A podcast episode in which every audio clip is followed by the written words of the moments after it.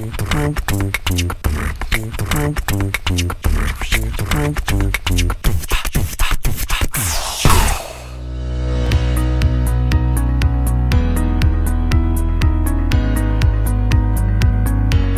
današnji dan pre tačno 15 godina, 9. januara 2007. godine, kompanija Apple predstavila je svoj prvi smartfon pod nazivom iPhone.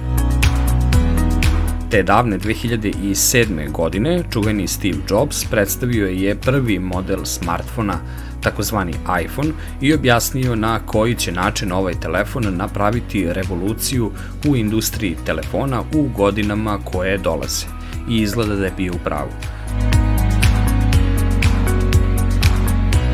Dobrodošli u Monitoring.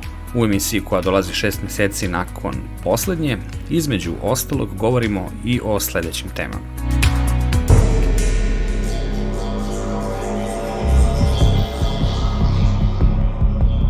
Ako imate problema sa sposobnošću da baterija vašeg Apple Watcha izdrži tokom dana, imamo koristan vodič kojim vam može pokazati kako da produžite vek trajanja baterije na vašem Apple Watchu.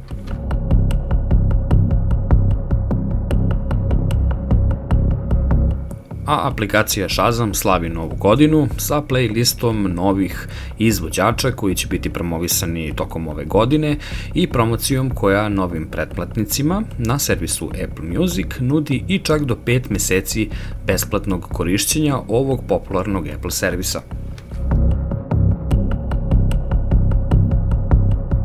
A prethodnih e, dana pojedini vlasnici Apple Watch uređaja prijavljuju grešku pri punjenju, a nakon što su izvršili ažuriranje na verziju operativnog sistema Watch OS 8.3, zbog čega njihovi satovi ne mogu da se pravilno pune na punjačima koji dolaze od strane nezavisnih proizvođača.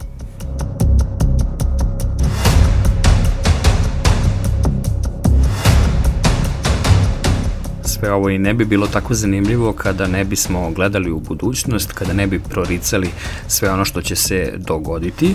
Tako posmatramo i slušamo najnovije glasine koje se tiču novog iPhone-a 14 koji očekujemo da izađe u septembru. Imamo već neke informacije šta možemo očekivati po pitanju njegovih osnovnih funkcionalnosti i najviše promena koje se očekuju njegovim dolaskom. Tako da govorimo o tome šta smo do sada o tome čuli.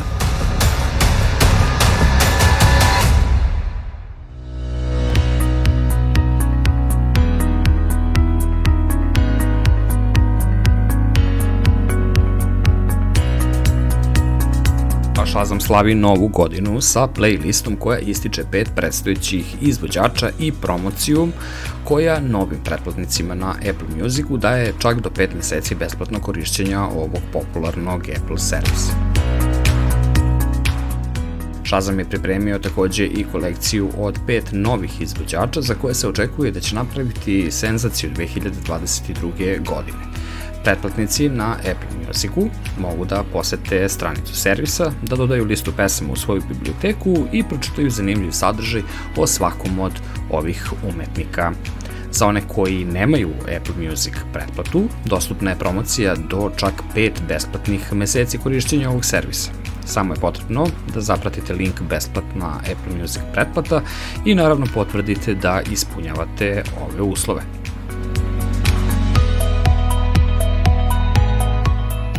Shazam je servis za identifikaciju muzike koji je u vlasništvu Apple-a, ugrađen je u Siri i operativni sistem iOS. Korisnici mogu da identifikuju pesme pomoću namenskog dugmeta Shazam u kontrolnom centru i samo tako što će pitati Siri koja je ovo pesma, naravno na engleskom jeziku. Korisnici mogu takođe da povežu svoju Shazam aplikaciju sa Apple Musicom da bi dobili pristup prilagođenoj listi za reprodukciju svojih Shazam pesama. Mesečna pretplata za Apple Music može se nabaviti po ceni od 9,99 dolara mesečno za individualni plan i dostupna je preko bilo kog nivoa Apple One pretplatničkog paketa. Besplatna petomesečna promocija namenjena je isključivo novim korisnicima Apple Musica i može se iskoristiti do 15. februara ove godine.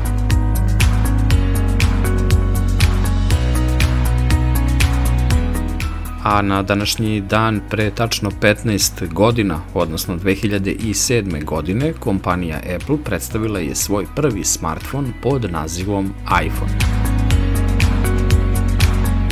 Te davne 2007. godine čuveni Steve Jobs predstavio je prvi model smartfona, iPhone, i objasnio na koji će način ovaj telefon napraviti potpunu revoluciju u industriji telefona u godinama koje dolaze. Nije tajna da je Apple lider u inovacijama svih ovih godina, a od 2007. godine prodato je preko milijardu uređaja iPhona, što ga čini najpopularnijim smartfonom ikada. Telefon koji se i dan danas prodaje možda više nego ikada, u milionima je zaslužan za vrednost kompanije Apple koja danas vredi preko 300 milijardi dolara. Uz pomoć Steve Jobsa i Tim Cooka, iPhone je prešao dug put od običnog malog uređaja za komuniciranje pa sve do pravog ličnog asistenta koji vam olakšava život.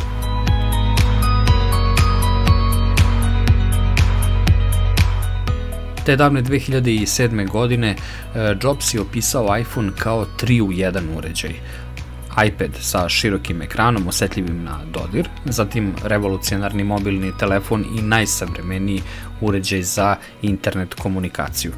iPhone je od tada predstavljen u nekoliko različitih verzija, ali je dizajn onakav kakav ga je osmislio Steve Jobs i dalje prisutan. U to vreme njegov koncept delovao je gotovo preterano ambiciozno. Podrazumevao je da ljudi treba da nose pravi kompjuter u džepu, ali se ispostavilo da je to bilo baš ono što im je i potrebno. iPhone je ključni deo života naših korisnika, napisao je aktuelni izvršni direktor Apple Tim Cook na desetogodišnicu predstavljanja iPhone-a. On je tada rekao, Citiram, danas više nego ikad iPhone menja način na koji komuniciramo, zabavljamo se, radimo i živimo. iPhone je postavio standarde u svetu mobilnog računarstva, u njegovom povoju je i mi tek počinjemo, a najbolje tek dolazi. Možda je to istina, ali za mnoge korisnike Jobsovo predstavljanje prvog telefona pod oznakom iPhone će predstavljati najsvetliji trenutak u istoriji kompanije. Hajde da se posetimo šta je to sve Apple do sada uradio prvi.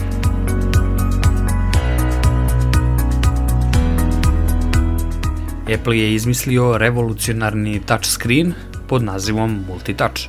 Zatim Apple je spakovao iPod u iPhone. 2008. godine Apple je predstavio App Store – industriju vrednu nekoliko milijardi dolara koja će podržati milione aplikacija i web programera i promeniti apsolutno način na koji koristimo naše telefone. FaceTime je debitovao na iPhoneu 4, od tada je najpouzdanija aplikacija za video pozive. iPhone je već na modelu 4S dao mali pogled na budućnost. Osmislio je Siri, ličnog voice asistenta. Apple je oduševio industriju kada je na modelu iPhone 5s predstavio jači 64-bitni procesor koji je omogućio mnogo bolju grafiku i performanse samog uređaja. Na kraju Apple je napravio hrabar potez kada je izbacio ulaz za slušalice na iPhone 7 i predstavio bežične slušalice takozvani AirPods, koje su danas jedne od najpopularnijih slušalica koje koriste mobilne telefoni. I idemo dalje. Potpuno smo sigurni da će ovakvih svetlih momenata iz istorije ove kompanije, a gledajući u budućnost, doći i to vrlo brzo.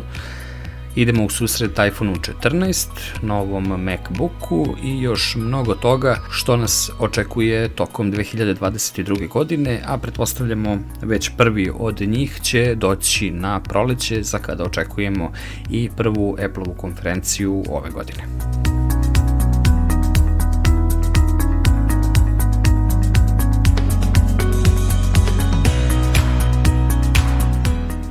Kada govorimo o Apple Watch uređajima, vlasnici Apple Watcha prijavljuju u prethodnim danima grešku pri punjenju nakon što su ažurirali svoje uređaje na verziju operativnog sistema Watch OS 8.3, zbog čega njihovi satovi se ne pune pravilno i to na punjačima koji dolaze od nezavisnih proizvođača. Apple je 13. decembra objavio Watch OS 8.3. Ažuriranje se fokusiralo na poboljšanje ukupnih performansi i ispravljanje grešaka, iako je sada očigledno da je verovatno donelo i još po neku novu. Korisnici u prethodnom periodu prijavljuju da se njihovi Apple Watchevi više ne pune pravilno, i to kada su povezani sa punjačima nezavisnih proizvođača. Mnogi korisnici su primetili da će Apple Watch napuniti samo 2% pre nego što prestane da se puni. Drugi su prijavljivali da im se baterija ispraznila dok su njihovi Apple Watchevi na punjaču. U početku su mnogi korisnici sumnjali da je u pitanju problem vezan za sam Apple Watch serije 7, ali izgleda da to nije baš takav slučaj jer izgleda da su i stariji modeli pogođeni ovom greškom. Sve više izveštaja se prijavljuje pošto su korisnici na društvenoj mreži Reddit počeli da prijavljuju ovakve i slične probleme. Jedan od korisnika napominje da je nakon ažuriranja njegov sat dobio samo 2% kada ga je preko noći ostavio na punjaču koji nije originalni Apple punjač. Međutim, kada se isti sat stavi na originalni punjač, njegov watch se punio baš onako kako se i očekivalo. Drugi su opet prijavljivali slične i malo različite probleme. Apple se do sada nije javno pozabavio ovim problemom i trenutno nema poznatih rešenja. Vlasnicima Apple Watch uređajima predlažemo da koriste originalne Apple-ove punjače kako bi izbigli ovaj trenutni problem koji očekujemo da će vrlo verovatno biti rešen već nekim od narednih ažuriranja koji nam uskoro dolaze.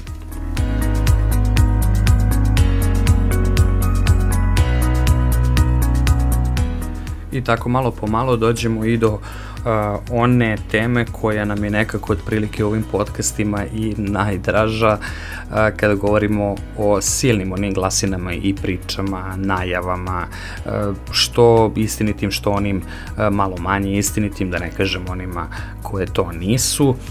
I ima već sigurno godinu dana koliko smo uh, mogli da imamo priliku da gledamo neke od ranih najava iPhone 14 koji će biti predstavljen ove godine i te najave su se generalno pojavile pre nego što će uopšte iPhone 13 biti lansiran, čak nismo ni znali u ono jedno vreme da li će se uopšte zvati 13 ovaj, ili ne.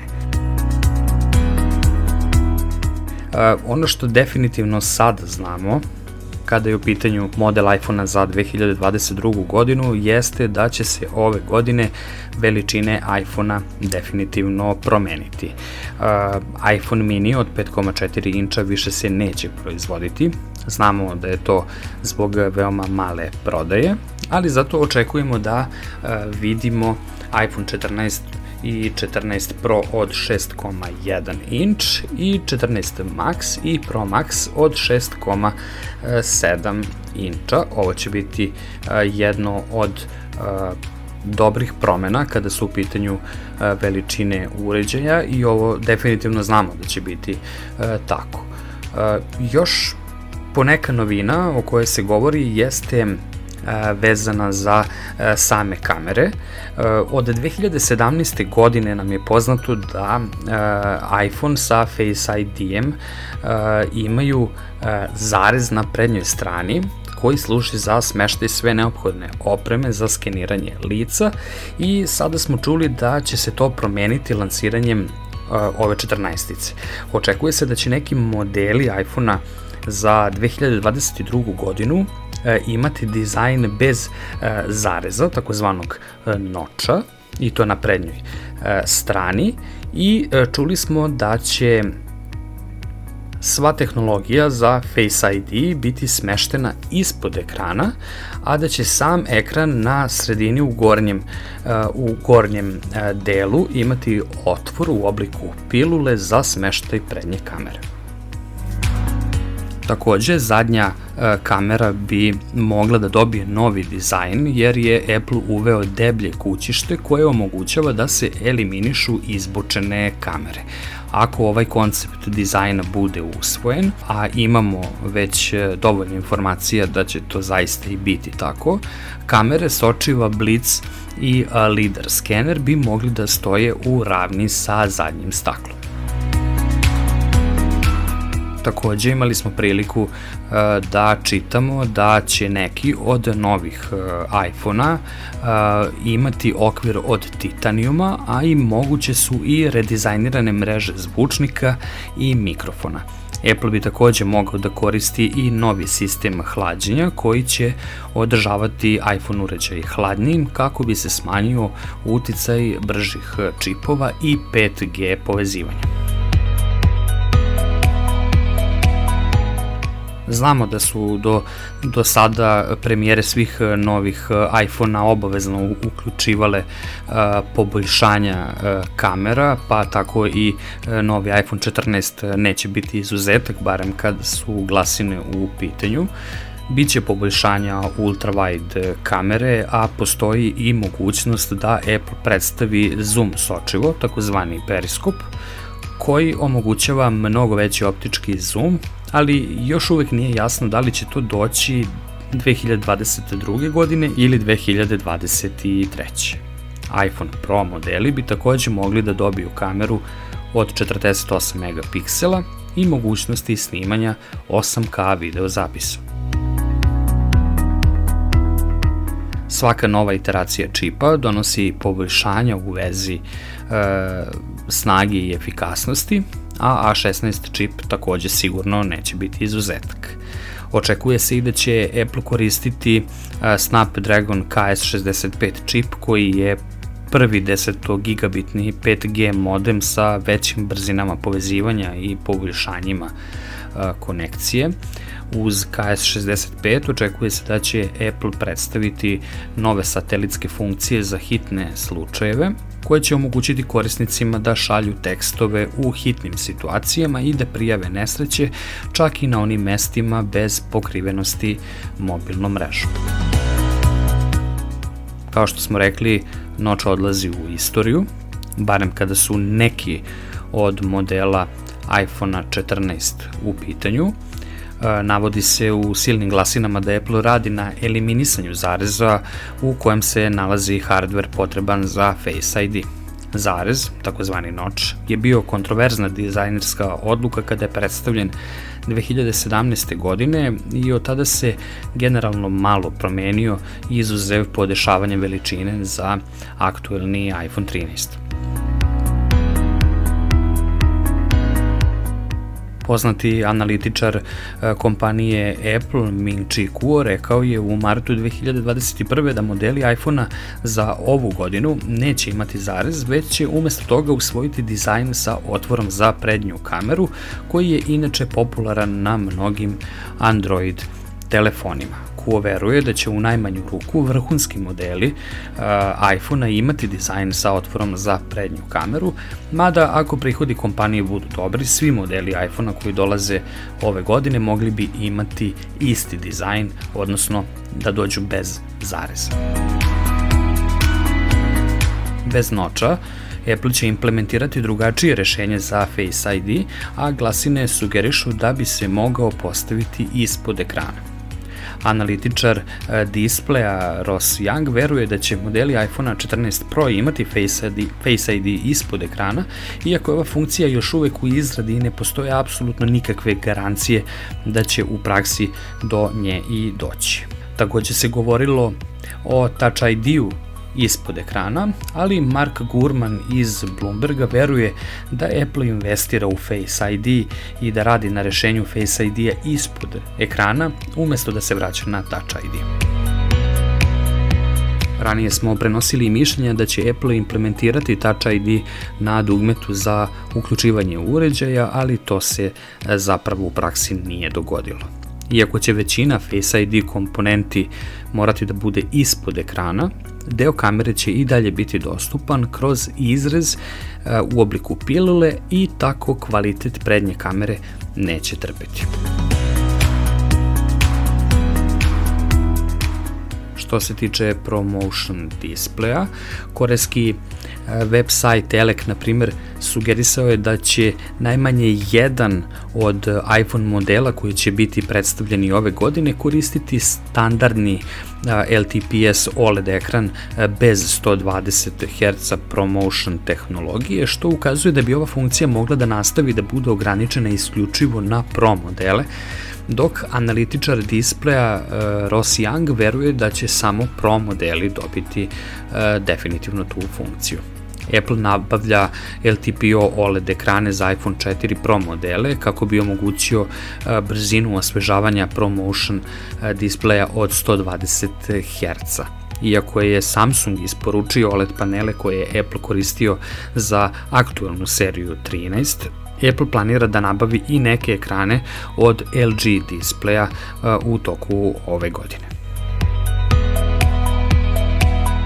Što se samog dizajna tiče, očekuje se da će modeli iPhone 14 izgledati uh, kao modeli iPhone 13 sa istim dizajnom uh, ravnih ivica koje su došle sa prethodnim iPhone 12 modelom, ali pored promjena ekrana bit će i ažuriranje dizajna samog kućišta uređaja. John Prosser recimo tvrdi da će Apple predstaviti deblje kućište uređaja bez izbočina na e, zadnjoj strani e, koje su bile rezervisane za kamere. Objektivi LED, blici i lidar skener će navodno biti u ravni sa zadnjim staklom, zbog dizajna kamere koji ne viri i koji nije korišćen još od, eh, odnosno ovaj dizajn nije korišćen još od ranih eh, dana iPhone-a od kada je predstavljen. Eh, modeli iPhone 14 bi mogli da imaju okrugle eh, tastere za jačinu zvuka koji izgledaju slično tasterima na iPhone 4 i iPhone 5 eh, modelu, a redizajnirane mreže zvučnika i mikrofona sa izduženim eh, mrežastim izrezima, a ne pojedinačnim rupama na dnu uređaja bi mogli biti takođe eh, neke od vidljivih promena kada je bar dizajn iPhone 14 modela u pitanju. Očekuje se da će Apple-ovi predstojeći e, modeli iPhone 14 takođe imati dizajn kućišta od legure titanijuma visokog kvaliteta. Prema izveštaju investitora JP Morgan, e, Apple je koristio inače titanijum za Apple Watch i ovo bi mogao da bude prvi put da je ovaj materijal bude korišćen i za sam iPhone. Titanijum je inače uh, otporniji na ogrebotine i jači je od čelika i aluminijuma, plus otpornije na koroziju, pa bi implementacija jednog ovakvog rešenja mogla značajno da unapredi i samu čvrstoću, izdržljivost i manje habanje e, novog modela. Lighting portovi izgleda da su još uvek bezbedni e, sa ovim modelom. Bilo je glasina da Apple namerava da ukloni Lighting port sa iPhone-a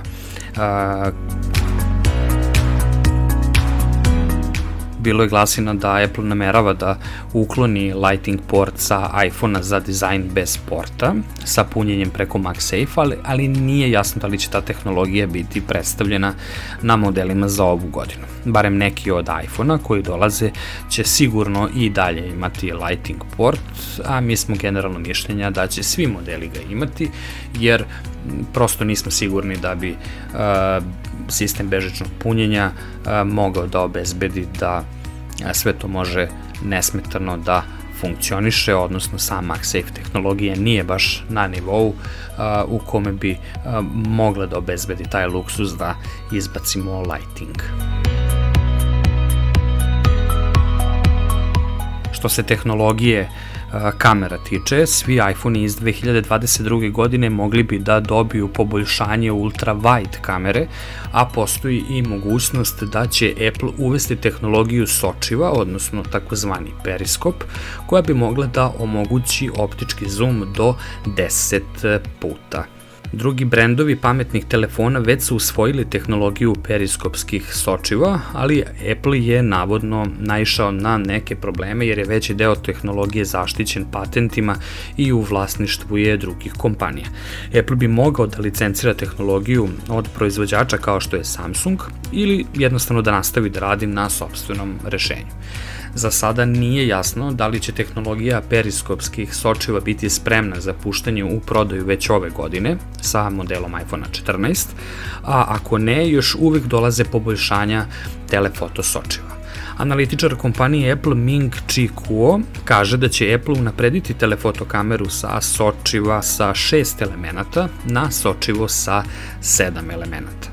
Kuo takođe veruje da će ove godine Pro iPhone modeli imati široku kameru od 48 megapiksela, što bi bilo veliko poboljšanje u odnosu na trenutnu kameru od 12 megapiksela, koja bi trebalo da omogući i snimanje 8K video zapisa.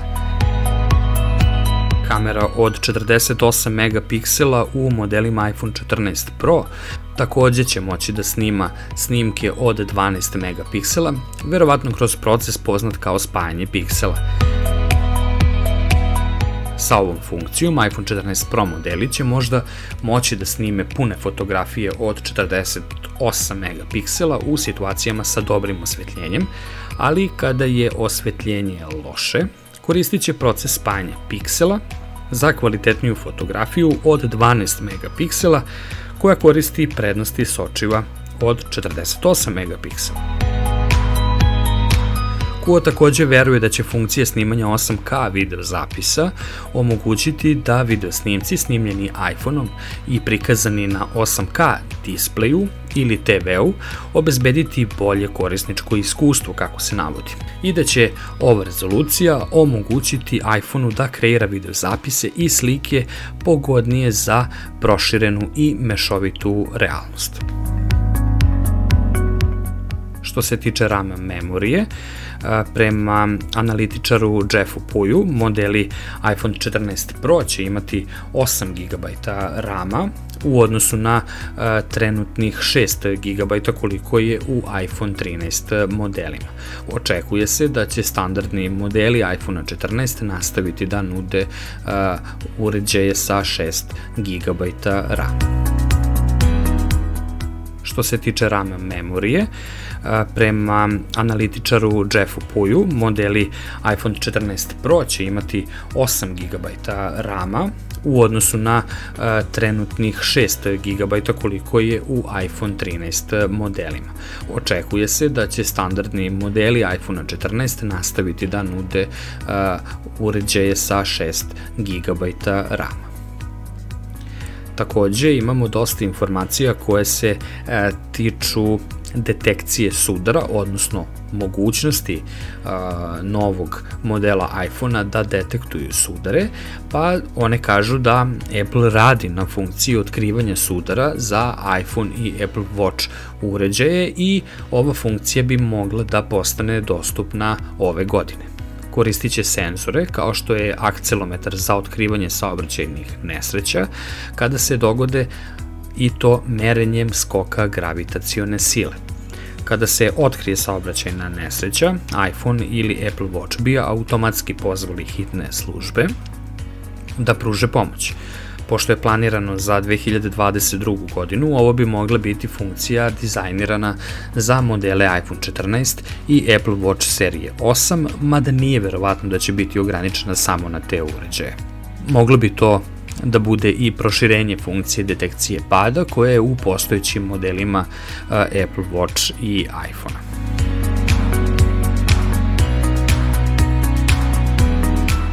Qualcomm Snapdragon KS65 omogućava neke funkcije satelitskog povezivanja, a pored modema, Apple planira da implementira funkcije za hitne slučajeve zasnovane na satelitskoj komunikaciji koje će omogućiti korisnicima da šalju e, tekstualne e, poruke u hitnim situacijama i prijave hitne slučajeve i to čak u oblastima gde nema pokrića mobilnom mrežom.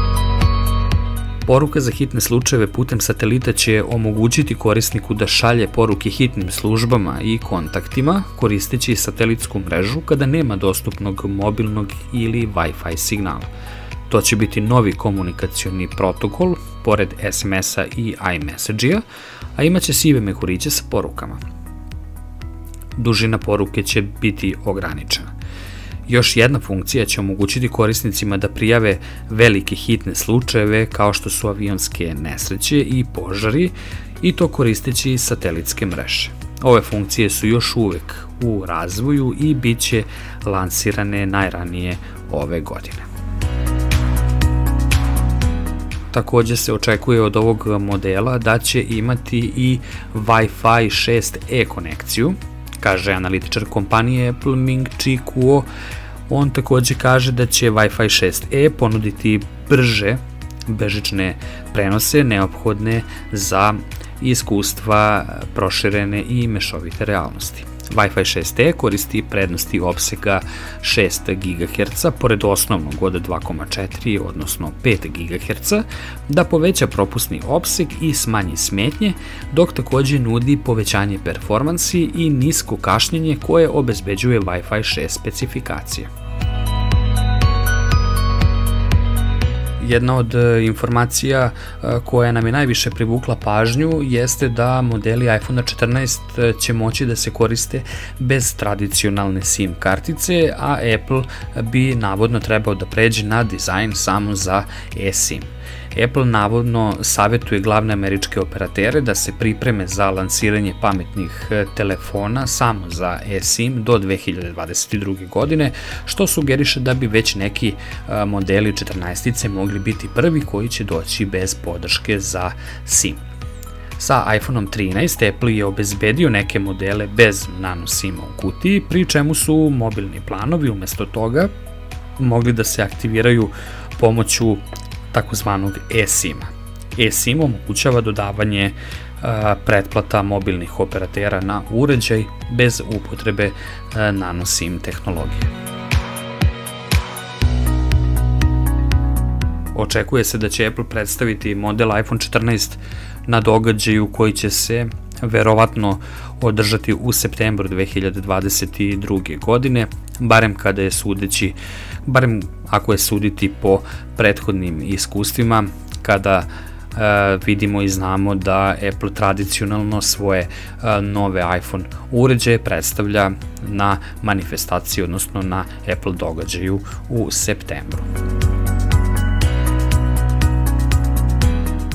Naravno da ćemo uh, pratiti sve glasine uh, o novom modelu i dalje, zato uh, obavezno sve što vas zanima vezano za ovaj uređaj možete pronaći na našim web stranicama www.istyler.net kao i na našem community portalu, uključujući i naše profile na društvenim mrežama.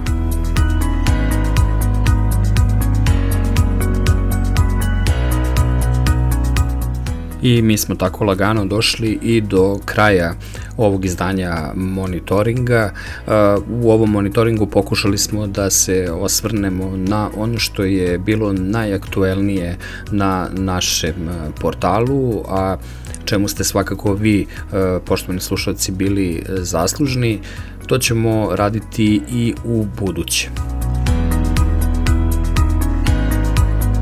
Do tada pratite e, naš rad na portalu www.istyler.net, postanite član Apple zajednice, možete se besplatno registrovati na adresi community.istyler.net. Takođe sve naše e, objave i radove možete pratiti na našim profilima na društvenim mrežama Facebook, Twitter,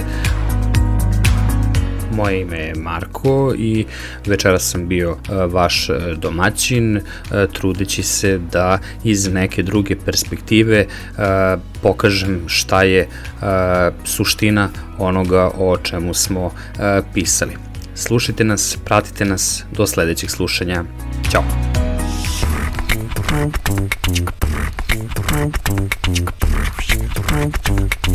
you.